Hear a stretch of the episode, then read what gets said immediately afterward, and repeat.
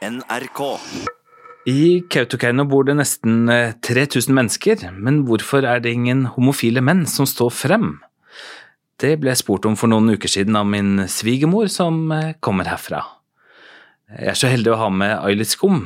Du bor og kjenner bygda godt. Hvor mange tror du det er i bygda som vet hvem man er i forhold til sin legning, og som ikke makter å, å komme ut? Det må nå være en og annen. For når man tenker at 10 av befolkninga er skeiv, Og det er 3000 som bor her? ja, så må det jo være en og annen skeiv her. Flere hundre. Ja, det må være det. Men hvor er de? Jeg vet ikke. det er vanskelig å vite. Jo da, jeg ser dem. Har du sagt det til noen? Nei. Det er en stilletiende avtale at man eh, flagger ikke ut noen før, før de er klare sjøl. Hvordan forsto du at du var lesbisk? Ja. Jeg forsto det da jeg for første gang i mitt liv ble sånn skikkelig, skikkelig, skikkelig forelska. Og det var i en kvinne. Det lot seg ikke skjule. Jeg kunne ikke skjule det for meg sjøl. Jeg kunne ikke si at det her er ikke sant. Jeg er ikke forelska. For uh, før det så hadde jeg nok klart å liksom fortrenge at man kan nå like et menneske. Jeg har nå vært betatt av kvinner før, det har jeg skjønt i ettertid. Men, uh, men da har jeg klart liksom å bare koste det bort, sånn at at jeg lå og like, like folk. Men den gangen, da, da var det ikke noe Da var det ingen vei tilbake. Mm. Hvilken livssituasjon sto du i da, og hvor gammel var du da? Jeg var rundt 37 år gammel. 36-37. Jeg var 38 når jeg kom ut av skapet. Da. Mm. Men da var jeg gift med en mann, og vi har, vi har to barn i lag, og ja, A4-liv. Ja. Så Så det var, det var veldig tøft, da, å fortelle det. Så det var jo en kamp. Det var ikke sånn at jeg ropte hurra og heiste flagget med en gang. For det var en eh, personlig krise, og en stor krise for familien. Ja. For det ble jo skilsmisse, og det som, det, det innebærer av sorg og knuste drømmer. Ja. Også for meg. Selv om det er mange som går rundt og tror at jeg liksom bare har valgt å lemne ektemannen. Mm. Men det var en, en, en stor sorg. Og er det en forvirrende situasjon å stå i. Det var en veldig forvirrende tid, og det var faktisk så tøft for meg personlig at jeg vurderte den enkleste utvei. Så selvmord var i tankene mine, Sier du det? ja. Mm. Men jeg, jeg er en troende, så det jeg gjorde, det var å be og be og be. Jeg hadde ingen å snakke med. Jeg kunne ikke fortelle det her til noen om min kamp. Så det var jeg og Gud alene i den kampen. Mm. Så når jeg da kom ut, så hadde jeg vært igjennom den verste krisen. Som jeg ikke unner noen. Hvor lenge var det en sånn situasjon der, en sånn krisefase? Jeg var i konstant bønn og rop i to-tre år. Når jeg var alene. Til slutt var jeg så dypt deprimert at det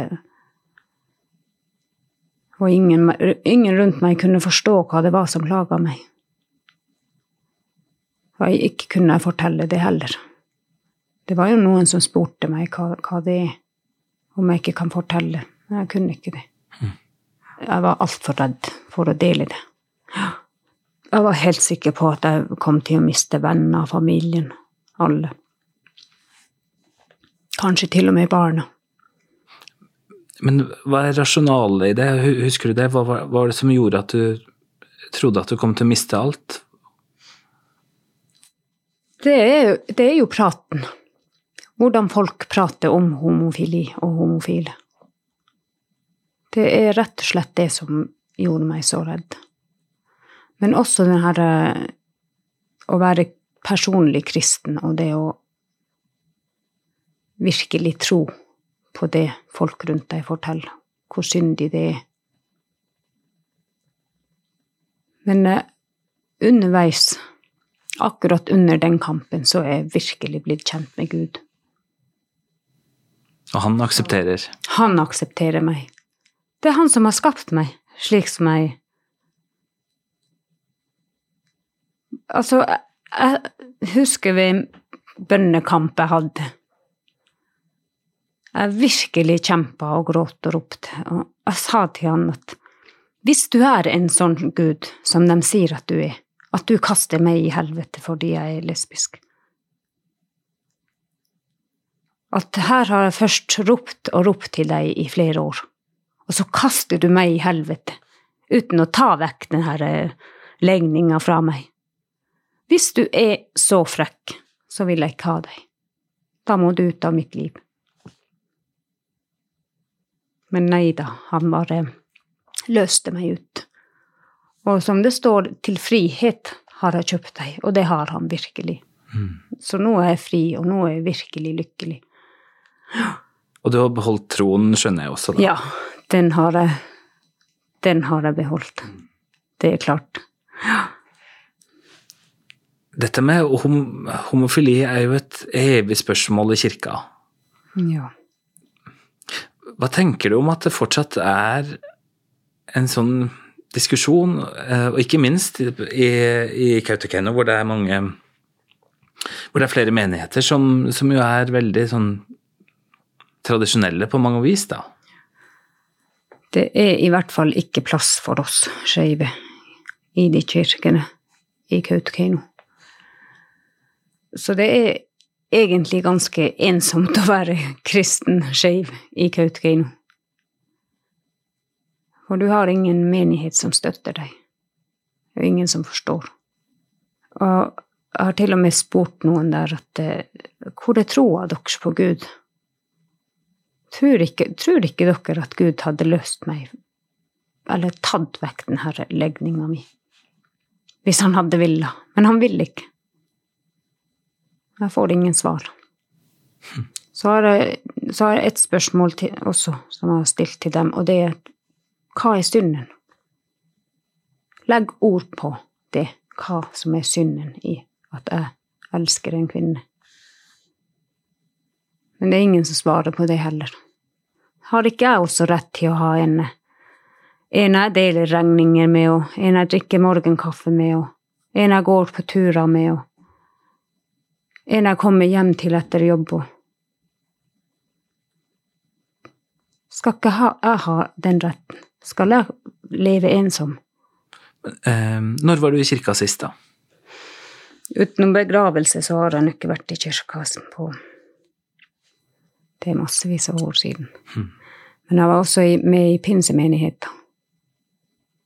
Jeg var faktisk leder der det var nok Jeg tror det var enda, enda større krise for meg å være skeiv. Ja, for du fant ut av det da du var leder i Pinsemenigheten? Ja. Hva gjorde du i forhold til dem, da? Jeg bare forlot dem. Hva ville skjedd hvis du gikk inn i kirka på en av, en av gudstjenestene? Nei, det er jo ingen som sier noe til meg. Selvfølgelig er det ikke det. For det, sånt gjør man ikke i Kautokeino. Men jeg vet hva de tenker. Jeg vet hva, de, hva presten mener om homofili. Jeg vet hva menighetsrådet mener om homofili. Jeg vet at jeg, jeg er ikke velkommen der. Mm. De sier at man skal komme i kirka. Ja da, bevare Saili skal komme i kirka selv om hun er lesbisk. Men jeg føler meg veldig fordømt av dem. Her må jeg faktisk gi sokneprest i Kautokeino, Bjarne Gustad, anledning til å kommentere det som, det som kommer fram foreløpig. Um, hva er din kommentar til det Aili Skum her sier. Ja, vil du si det at uh, det er uh, trist hvis at uh, hun opplever det slik at hun ikke er velkommen i kirka. Alle er velkommen, og særlig dem som man ikke er kanskje enig med i alle livets spørsmål. Men selvfølgelig så er det slik at vi i vår menighet vi ønsker å forkynne eh, ekteskapet, holde fram det som eh, utelukkende for mann og kvinne. Og, det har vi støtte fra Bibelen og det hele kristne vitnesbyrdet. Så er det på en måte givet. Ekteskapet er for kvinne og mann. Og selv om Norske kirker andre steder i Norge og på høyeste hold har vendt seg bort fra det, så holder vi fast ved den eh, opprinnelige, klassiske kristne læren om at uh, vi elsker alle mennesker, alle homofile, men også særlig men ekteskapet. Det er, det er for kvinnemann. Har Sápmi hengt igjen i forhold til resten av verden når det kommer til det å kunne åpne seg og, frigjøre seg i forhold til sin legning? Ja, det tror jeg nok. For det å være annerledes, det å stikke seg ut og være annerledes i det samiske samfunnet, det er ganske vanskelig. Hvorfor er det sånn? Det er vel sånn at eh, slekta er den som eh, dominerer, og, og, det å ha utskudd i vår slekt, det, det vil vi ikke ha noe av. Så det er så å ha skampletter i slekta, det, det, er ikke noe godtatt. Jeg tror det kan være sånn. Jeg, det, det, er så vanskelig å vite. Det syns jeg er interessant, fordi noe av det fineste i Sápmi, syns jeg, da, det er jo den her styrka man har i slekta. At man har så mange som man kan lene seg på, som man kan, ja. eh, som man kan finne styrke i. Ja. Men samtidig så er det ikke for enhver pris, da, sånn som jeg skjønner det der. Nei det, er, det kan også være en veldig stor svakhet når det gjelder kriser og ting som kan skje i, innenfor fi, de her fire veggene. Så kan slekta være den som faktisk ødelegger for menneskene. Mm. Forskjellen på det å skjule og det å beskytte. Det er to vidt forskjellige ting. Og begge de de skjer i slekta. Mm. Hvem er det som gjør at det blir sånn? Er det enkeltindivider, er det sterke personligheter, er det, eller er det liksom en enhet som nærmest lever sitt eget liv, da? Jeg tror at det er en enhet. Det er sånn det er. Det er sånn det har vært i generasjoner. Det er sånn det alltid har vært. Så jeg tror det bare er noe som lever sitt eget liv. Men så er det noen som stikker seg ut og bryter seg fram og vil ikke være med på det her. Mm. Og det er da, det er først da, forandringene kan skje. Ja. Da setter du et system på prøve. Ja. I din slekt, har det alltid alltid vært et sånn lykkelig utfall? Det er nå både. De, de, aller fleste i min slekt har støtta meg. Og... Men jeg har også fått uh, passet mitt påskrevet, for å si det sånn. Mm. Har, du, har, du, klart å endre deres syn? Det tror jeg, for i begynnelsen så var det veldig sånn kald skulder og litt sånn eh, at sånt har vi ikke i slekta vår, så hvor det her kommer fra, og det må ha kommet fra den andre sida, og sånne ting. Så har jeg bare valgt å overse det, og jeg har valgt å være hyggelig med folk uansett hva de måtte mene om meg og se dem i øynene og være den jeg er. Og jeg tror at det sakte, men sikkert har skjedd en forandring. Ja. For nå er det noe folk som ikke hilste på meg for ti år siden. De har begynt å hilse på meg igjen, og, og syns egentlig at jeg kanskje er en litt kul dame, da. Så det Har de bedt om unnskyldning, eller har det liksom Nei da, men det gjør man da ikke. Jeg har da ikke gjort noe galt. Nei. så Nei, men sånn eh, en form for unnskyldning er det nå. Altså anerkjennelsen. Anerkjennelsen. Ja. Og det å begynne å hilse på deg igjen, og det å sende en forespør venneforespørsel på Facebook igjen etter å ha sletta deg, og sånne ting. Sakte, men sikkert vise at jeg, ok, jeg godtar at du er den du er. Ja. Hvordan syns du bygda reagerte på at du kom ut av skapet? Det var overraskende positive folk, egentlig. Den første jeg ble veldig overraska over, det var nå min gamle mor. Hun kom nå gråtende inn til meg og, og ba meg om tilgivelse for at hun og pappa ikke hadde fortalt hvem jeg er, allerede da jeg var ung, for de hadde skjønt det. Og så ellers i, i mange eldre som var veldig støttende. Og de sa at det, du er bare sånn. Og, og vi har nå hatt slike folk her i bygda før, sa de. Men det er ingen som prata om det, de bare visste at det var et par. Og de fikk nå være i fred. Og... Men så var det noen som fordømte meg, da, selvfølgelig. Og så noen som kom hjem til meg og fordømte meg. Og... Så Kom hjem til deg og fordømte? Ja, ja, ja. Og sånn eh, på flyplassen så hørte jeg noen som prata om meg. De oppdaga ikke at jeg satt der. Og prata negativt om meg, da. Ja. Jeg syns det var interessant det du sier om, om dine foreldre som Som nok skjønte, da. Skulle du ønske at jeg hadde sagt det før? Altså, hvordan tar man den samtalen med et barn? Eller med en ungdom? Nei, jeg sa til mamma at hvis de hadde spurt meg, så hadde jeg garantert sagt nei. Nei, nei, nei, nei, nei. Hvorfor det? Fordi jeg ikke visste det sjøl. Jeg skjønte det ikke. Kanskje han hadde satt en tanke i hodet mitt. Det vet jeg ikke. Det er litt vanskelig å vite. Men det var utrolig at de i det hele tatt hadde tenkt den tanken. Og det å få en støtte og anerkjennelse av det nærmeste, Ja. det må være sterkt. Det var veldig sterkt, og det var egentlig ikke så forventa. Jeg forventa egentlig mer fordømmelse og mer sånn Kanskje ikke at de hadde slått av hånden sånn, men eh, Jeg forventa i hvert fall at de hadde vært litt mer negative. Men eh, nei da, de var veldig positive, og at nå kunne jeg være meg sjøl. Ja. Hva tenker du i forhold til eh, bygda? Er det lettere å stå fram som lesbisk enn homofil? Det tror jeg. Det tror jeg nok.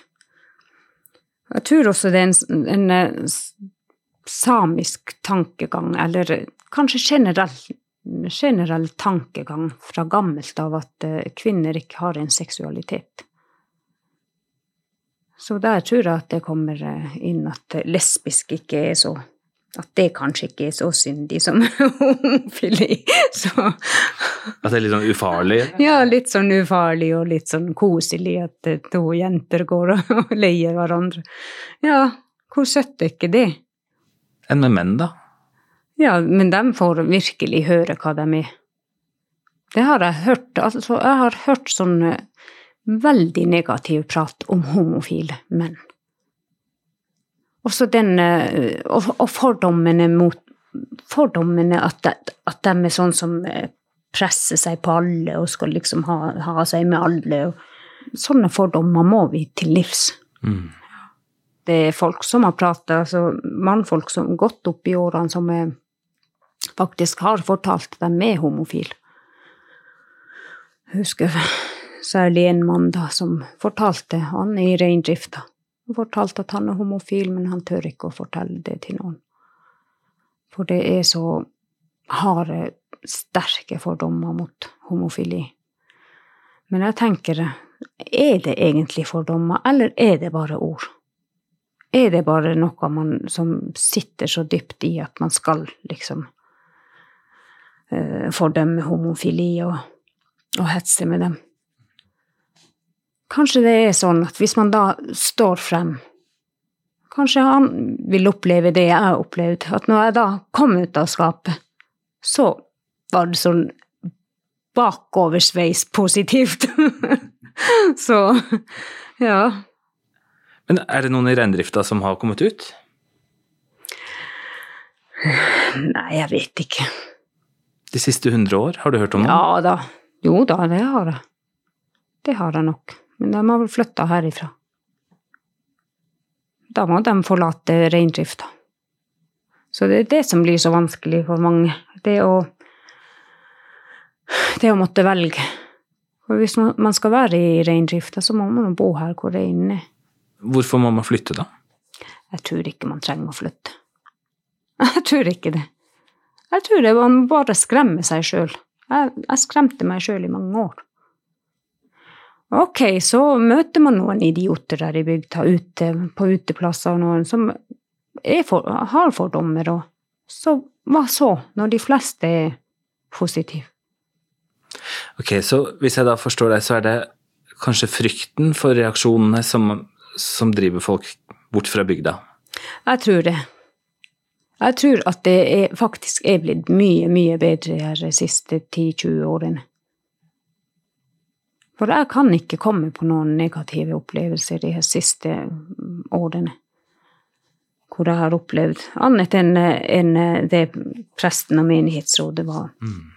ute i media. Men de fikk noe sånn skikkelig regnbueflagg opp her i bygda mm, med å gjøre det. Så, så det var noe positivt, egentlig. Ja. Folk her i bygda er faktisk klar for mangfold. Ja. ja. Hvilken effekt tror du du har hatt på andre? Ja, jeg har hørt at det, at det er bra at jeg har vært så åpen som jeg er. Jeg har også hørt at det er ungdom som har tort å komme ut av skapet fordi de har sett at jeg, jeg klarer å leve her i denne bygda og være helt åpen om det at jeg er lesbisk. Og, ja. og de sier at det, at jeg får nå leve i fred, og ungene mine får leve i fred, og, og, at uh, vi egentlig har et ganske normalt liv. Mm -hmm. altså, vi trenger mangfold her i denne bygda. Vi trenger at uh, folk tør å være seg sjøl. Vi sånn Altså, vi trenger sånne tøffinger som uh, bare flagger og, og ser folk i øya, går med rak rygg og gir katta i hva andre måtte mene det går an å leve lykkelig som skeiv her i bygda, mm. faktisk. Men det kan være veldig ensomt. Ja. Hvis ikke flere kommer ut, da. Hva tenker du om framtida di i bygda her, da? Nei, jeg er nå på flyttefot, jeg. Hvorfor det? Så, nei, det er på grunn av kjærligheten, selvfølgelig. ja. Hvor skal du hen, da? Ja, jeg drar til Sunnmøre. Så nå er det å lære seg nynorsk og alt. Ja, ja, ja. Man må jo fære. Altså, det er ikke bare bare å finne kjærlighet i en bygd hvor alle sitter i skapene sine. Jeg orker ikke å krype inn i et skap lenger og bli sittende der med kjærligheten. Hva vil du si hvis det er noen som hører på nå, som er usikker, eller som vet ja. innerst inne hva man er for noe? Hva vil være ditt budskap til dem? Ja, budskapet mitt er alltid være tro mot seg sjøl. For hvis man ikke er det, hvis man prøver å være noe man ikke er, så, så møter man seg sjøl i døra, til syvende og sist. Den sier jo at man er inne i et skap, og det, det er virkelig en sånn Det er et veldig bra bilde på det. At det virker som at man er inne i et skap, et mørkt, trangt, og eh, skapet blir bare trangere og trangere. Det blir mindre og mindre oksygen der. Så den dagen man åpner skapdøra og våger skrittene ut, det er en så frihetsfølelse at den må du bare kjenne på. Den må du unne deg sjøl, så du som sitter i skapet, må bare komme deg ut. Livet er altfor kort til å gå rundt og være redd for hva andre måtte mene om deg. Det er budskapet mitt. Kom deg ut. Til frihet. Du møtte Aili Skum og Bjarne Gustad. Jeg heter Svein Lian. Tett på fra NRK Sápmi er produsert for radio og podkast av 1 til 1 Media.